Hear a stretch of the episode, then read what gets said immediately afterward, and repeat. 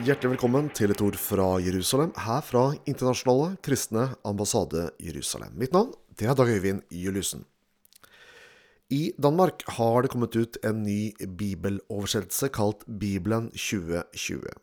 Eh, Nytestamentdelen av den var klargjort for noen år tilbake, og nå kom også Gamle testamentet. Så nå kom hele denne nye utgivelsen eh, i Danmark. Den har skapt reaksjoner. Fordi i eh, de 69 stedene hvor Israel nevnes i Det nye testamentet, eller det navnet brukes i Det nye testamentet, så har man tatt bort eh, navnet Israel på alle steder så nær som ett, og mm, lagt inn andre ord, begreper, som gjør at eh, Israel som sådan ikke nevnes i Det nye testamentet, bortsett fra ett sted. Med oss på telefon nå har vi vår forkynner Eva Olsvold Sundar. Velkommen til deg. Takk for det. Eh, hva tenker du, Eva, om denne nye danske bibeloversettelsen, Bibelen 2020? Det er ganske mye man faktisk kan både tenke og mene om det, fordi den eh, har gjort en del eh, ganske kontroversielle grep. Men det er jo særlig dette som vi har samlet om, at de har fjernet Israel i så godt som alle tilfellene i Det nye testamentet hvor det brukes, utenom, utenom ett sted. Og Det tenker jeg er noe helt nytt, og det er veldig utrolig og jeg vil si faktisk ganske frekt at man gjør det. Det står Israel i grunnteksten, og Israel en er jo ikke bare et hvilket som helst ord i, i Bibelen. Det er jo eh, det er jo av helt vesentlig betydning. Og i Gammeltestamentet så brukes eh, navnet eh, over, ja, over 2000 ganger. Så det er, det er, egentlig helt utrolig at de har gjort dette. Birgitte Stokklund Larsen hun er generalsekretær i det danske bibelselskapet. Og hun sier ifølge da, avisen Dagen når de leser Israel, vil de kunne tenke på den moderne staten Israel. Og det er jo ikke det man snakker om i Det nye testamentet, sier Larsen. Eh, hva tenker du om en sånn forklaring og en slik tilnærming til saken? Ja, Det er eh, en måte Det er egentlig ganske Hva skal jeg si?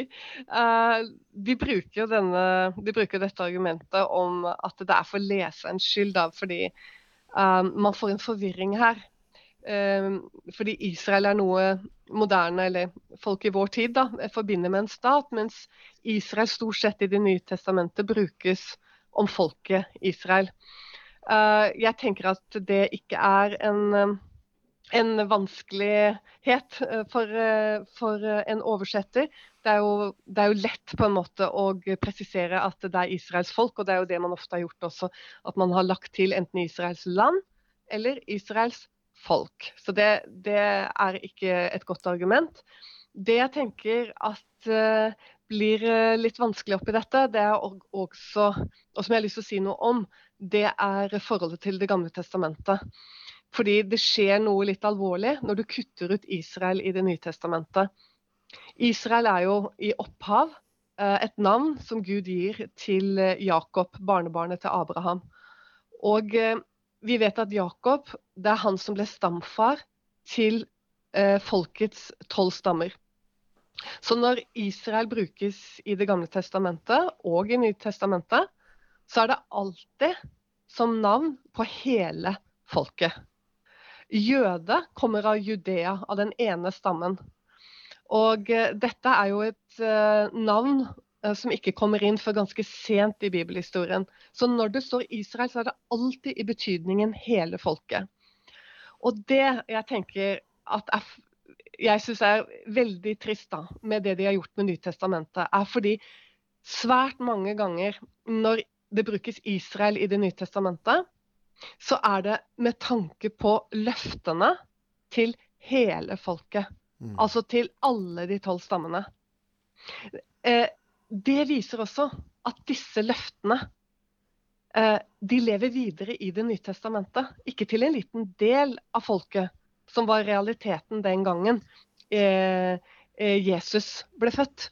At, at størstedelen av jødene, eller Israel, de tolv stammene, fortsatt var ute i nasjonene. Men det levde fortsatt i folket på den tiden. Fordi vi vet at Matteusevangeliet ble jo skrevet ned ca. 50 år etter Jesu død. Uh, mellom 50 og 70 år etterpå. Så når da Matteus, også Lukas og Markus velger å bruke Israel istedenfor å skrive jøde, så er det jo nettopp med tanke på hele folket, altså de tolv stammene. De holder fast på løftene til de tolv stammene. Og når de da bare tar bort Israel og erstatter det med jøde, så har du brutt eh, linken til, eh, til, profetiene i Det gamle testamentet. Mm. Og det er eh, eh, Dette er en del av det vi kaller for erstatningsteologi. For erstatningsteologien er jo nettopp det de må gjøre for å kunne på en måte eh, ha en teologi som, eh, som, de kan forklare. da. Så er de nødt til å parkere det profetiske ordet i Det gamle testamentet. For ellers så vil ikke den teologien holde vann. Mm. Så jeg tenker Det, det syns jeg er det mest alvorlige. Og faktisk også, Et eksempel er jo Marias lovsang, som er så kjent. Hun eh, snakker eh, eller hun lovsynger jo da Gud tilbake for at han holder sine løfter sant, til sin tjener Israel. Og da, da, taler, altså da, snakker Maria om hele folket. Altså at hun fortsatt da har eh, Ja, det er hennes da mm. respons da på det budskapet engelen gir henne. At uh, Messias, da, Jesus, er til hele Israel, de tolv stammene. Mm. Eh, kirkehistorisk så har store deler av eh, fortiden preget, eh, preget kirken med antisemittisme og fiendskap mot dette, dette, folket.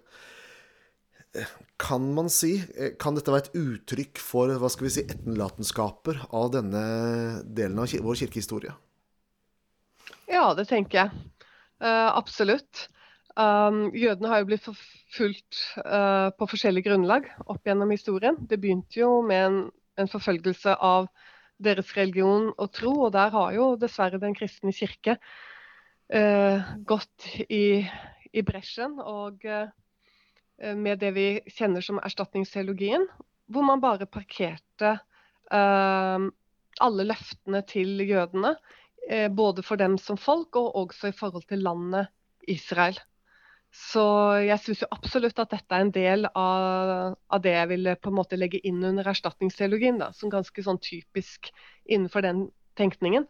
Men at de går til så drastisk skritt og faktisk fjerner det, for at ikke folk skal forvirre det med staten Israel, uh, det er veldig, veldig trist. Ja, og det de sier her, det fremstår jo som om dagens samling av dette folket i nasjonen Israel ikke har noen ting å gjøre med det historiske bibelske Israel som vi leser om. Ja, og det er vel akkurat også tanken eh, med den oversettelsen, eh, når du ser hva de gjorde med første og andre krønikebok, eh, i det de kaller disse to delene for Israels historie 1 og 2. Og da sier de på en måte at Israel var aktuelt fram til uh, de delvis endte i Babylon som fanger og i Asyria som fanger. Og etter det så er det ikke noe mer i Israel. Det er jøder og det er Judea. Men dette er ikke sant. Nei. Og Nytestamentet bærer denne eh, bærer løftet, bærer ideen, bærer tanken videre om Israel. Og det samme ser du at de sceneprofetene gjorde, som Zakaria og Malaki. De bærer videre løftene til Israel. Så dette er, dette er galt. Mm. Uh, og det er egentlig ganske utrolig provoserende. Og selvfølgelig ser ikke de på staten Israel som en del av denne oppfyllelsen om, um, om løftene for hele folket. Og samlingen av hele folket i landet. Ja, for det er jo ikke noe perifert i Bibelen. Det er jo som du sier, noe vi finner flere steder i Det gamle testamentet. Det er helt sentralt i Bibelen. Og du finner det både i selvfølgelig Gamle testamentet, mengder av løfter om dette, og du finner at det lever videre eh, i Det nye testamentet sterkt. Så mm. dette syns jeg er utrolig trist. Mm. Ja, Der sier vi takk til vår eh, forkynner Eva Olsvold Sundar. Nå skal vi lytte til sangen Adonai Adonaino, som betyr Herre, vår Herre, og hentet fra Salme 8. Adonai.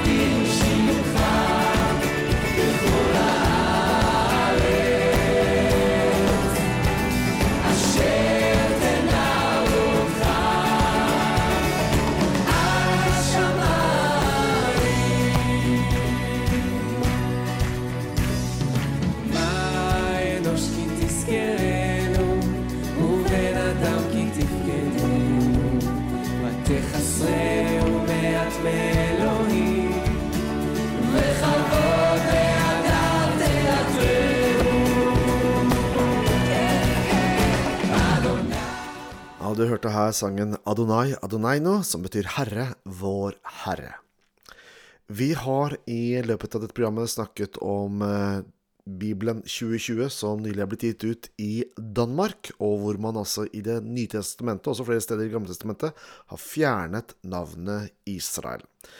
Og um, vår hovedinnvending mot denne oversettelsen er kanskje tre punkter. Nummer én, den bryter med grunnteksten, altså med originalen. Nummer to, den framstår som erstatningsteologisk, altså at Gud har forkastet dette folket Israel som sitt eiendomsfolk, og nå er det bare kirken Gud arbeider med.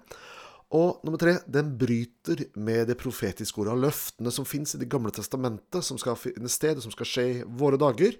De blir klippet over gjennom denne type oversettelse. Ja, du har lyttet til et ord fra Jerusalem, fra Internasjonale kristne ambassade Jerusalem. Mitt navn det er Dag Øyvind Juliussen, og jeg takker for følget. Ha det riktig godt.